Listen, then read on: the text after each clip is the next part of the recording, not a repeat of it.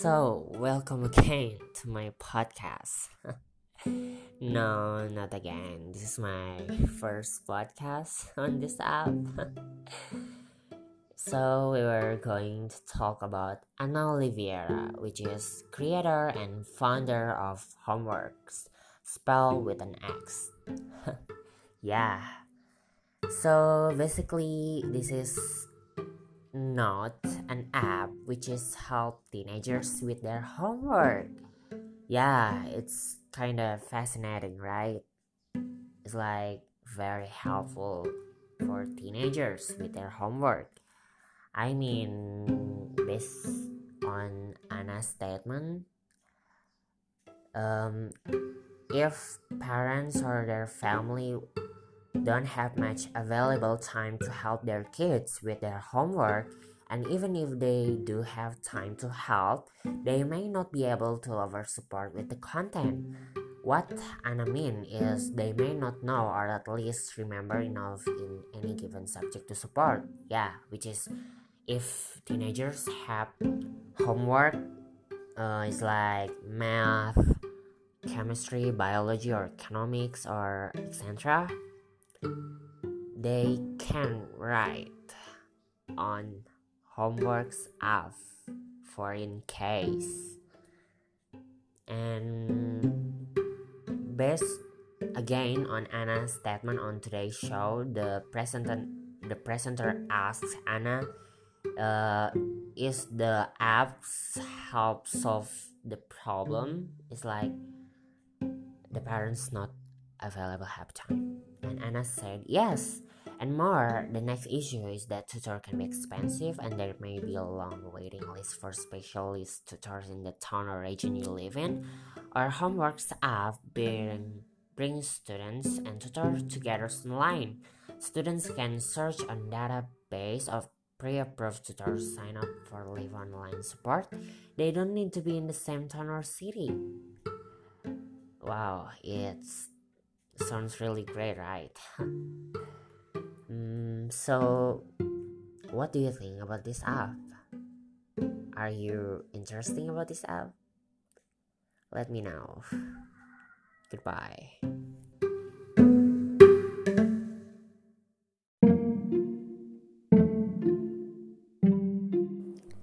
Welcome back again to my podcast. This is my new assignment again on professional listening and speaking. Um, okay, uh, I'm going to represent my conclusion about what I heard on British Council. It's about business news, and the reporter said in is the first item in the news is the crucial vote, which is may see a dramatic change in how the country develops over the coming years. Overall, of 54.5% voter turnout was registered. This represents an increase of 11% over the previous election and 6% above the average for the past 50 years. There was also been a slight change in demographics with an increase in youth turnout in the 18 to 24 and 24 to 29 year old brackets. Despite this increase, young people are still less likely to vote than older people. Active 40% of voters in the 70 plus age group came to the polling station. So that's about the first item on the news on reporter said and the second is the power the global digital powerhouse onk today post quarterly result which were above forecast. Back in March, Tim Boiling, CEO, issued a profit warning over fears that there would be losses following the recall of their leading product, the 4D device.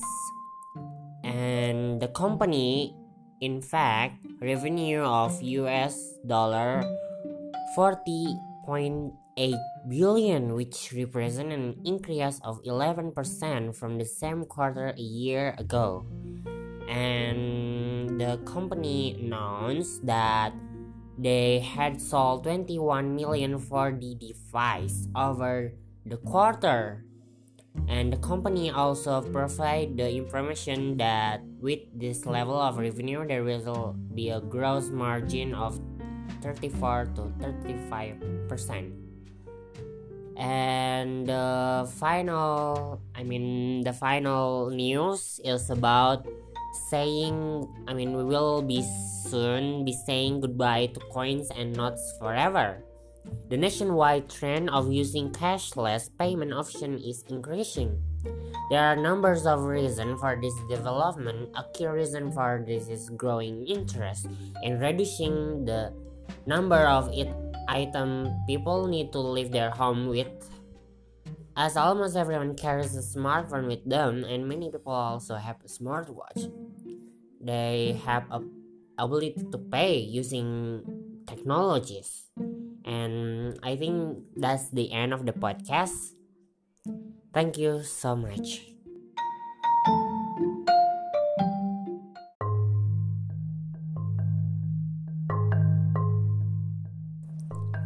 Hi, my name is Aldi Pramudia. And again again again and again this is my assignment of professional listening and speaking. And this is my conclusion and my restate about Clips podcast on working from home. And the podcast start about two conversation between Andrew and Suzanne talk about their home office and how the work from home experience has been for them. Uh, and the fun fact working for from home reduces stress, increases productivity, and is eco-friendly. And yeah, working from home. Uh, Susan said that it's funny because it is all online. She said that she coached pronunciation for actors on accent, dialects, and American accent, but she's not changing accent but for role because she teach pronunciation for actors and she teaches all accent different kind of english like german accent french accent hindi accent and etc and working from home that she can do it anywhere. She need internet obviously and it is all online now. Uh, and Susan using Zoom record as the session for her student. And she working with student who learn English too. And they're talking about home office setup and Susan using bedroom as her office and that's on piece of work and Andrew Andrew is working in university as English instructor and it's and now it is entirely online. He shared it with another professor and he finds it very hard work to work because the friend of his professor he had a baby and filming video for his student with the baby sound which is really hard. And Andrew is fine because he doesn't have a, ba- a baby. And he using video chat zoom and study together Uh, as like conversation class using zoom meeting so he can bundle and work on small group activities and speaking tasks. Different place using zoom on a lot of place i mean his student using zoom on a lot of place like on a beach and subway and another place. And sometimes they are not really focused like watching YouTube video and that is challenging. And however Susan said she can get up to camera to because make her student focus and student told Susan and they really against online because we need to really close but they know where we can I mean they no way okay? There are no way we can see each other because of COVID. So yeah teaching online is really challenging student making presentation on Zoom and that is stressful instead in a class in a person. And that's on advanced and challenging. And last it is funny because they are working online and they are making it good even it's kind of hard. And they are both andrew and suzanne is using bedroom as her home office and that is my conclusion for that podcast. And thank you so much for listening to my podcast. See you again on um, the next assignment. Thank you so much.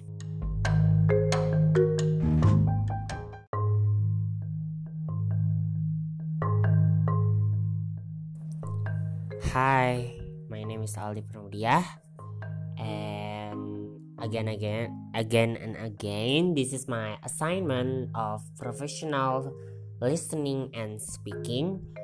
And this is my conclusion and my restate about Clips podcast on working from home podcast start about two conversation between Andrew and Suzanne talk about their home office and how the work from home experience has been for them. Uh, and the fun fact working for from home reduces stress, increases productivity, and is eco friendly. And yeah, working from home, uh, Susan said that it's funny because it is all online. She said that she coached pronunciation for actors on accent, dialects, and American accent, but she's not changing accent, but for role because she teach pronunciation for actors and she teaches all accent different kind of english like german accent french accent hindi accent and etc and working from home that she can do it anywhere. She need internet obviously and it is all online now uh, and Susan using Zoom record as the session for her student. And she working with student who learn English too. And they're talking about home office setup and Susan using bedroom as her office and that's on piece of work. And Andrew Andrew is working in university as English instructor and it's and now it is entirely online. He shared it with another professor and he finds it very hard work to work because the friend of his professor he had a baby and filming video for his student with the baby sound which is really hard and Andrew is fine because he doesn't have a, ba- a baby. And he using video chat zoom and study together. Uh, As like conversation class using zoom meeting so he can bundle and work on small group activities and speaking tasks different place using zoom on a lot of place. I mean his student using Zoom on a lot of place like on a beach and subway and another place. And sometimes they are not really focused like watching YouTube video and that is challenging and however Susan said she can get up to camera to because make her student focus and student told Susan and they really against online because we need to really close but they know where we can I mean they no way okay? There are no way we can see each other because of COVID. So yeah teaching online is really challenging. Student making presentation on Zoom and that is stressful instead in a class in a person. And that's on advanced and challenging. And last it is funny because they are working online and they are making it good even it's kind of hard. And they are both andrea and suzanne is using bedroom as her home office. And that is my conclusion for that podcast. And thank you so much for listening to my podcast. See you again on um, the next assignment. Thank you so much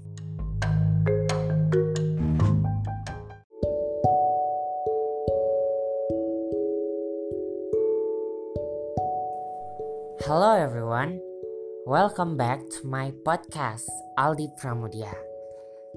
And this is my assignment again from listening, I mean professional listening and speaking. Uh, and today we're going to talk about motivation of work. So our lecturer, uh, Mrs. Andang, give give us a podcast is about motivation of work, and we have to restate on our podcast. So, the first, research by Sam Glucksberg from Princeton University, America. Set people a problem to solve and told them he was going to time them to see how long they took. Then he put them into groups. He offered one group a reward for finishing fast $5 for anyone finishing in the top 25%, and $20 for the person who finished the fastest of all. To, to the other group, he offered no incentive, but he told them he was going to use their times to calculate an average time. The first group, the one with the reward, solved the faster, you think, right? well, no. They actually took three and a half minutes longer than the group who just thought they were being timed. Incentive didn't work. In fact, it made them slower. This experiment has been repeated with the same results many times, but in business, we still offer bonuses, promotions, and rewards to staff. Another study by Dan Ariely showed the reward the worse the subject performed on a complex task. The reward made them focus so hard on the result that they couldn't think creatively anymore. Companies that give them employees time during the week to work on things that interest them and are not part of their regular job achieve amazing things. Some of the big tech companies are a good example of this. With ping pong tables and areas to relax in. Um, so the conclusion of mine about this podcast, this podcast, motivation of work, and this research by Dan Ariely and Sam Glucksberg is that money can change everything. The proof that this the research study by Dan Ariely showed the bigger reward is made them fast to work and focus so hard on the result. Even in the end, they couldn't think creatively anymore because they just focus on the money, not the work. This is enough for my conclusion and thank you for listening to my podcast See you next time.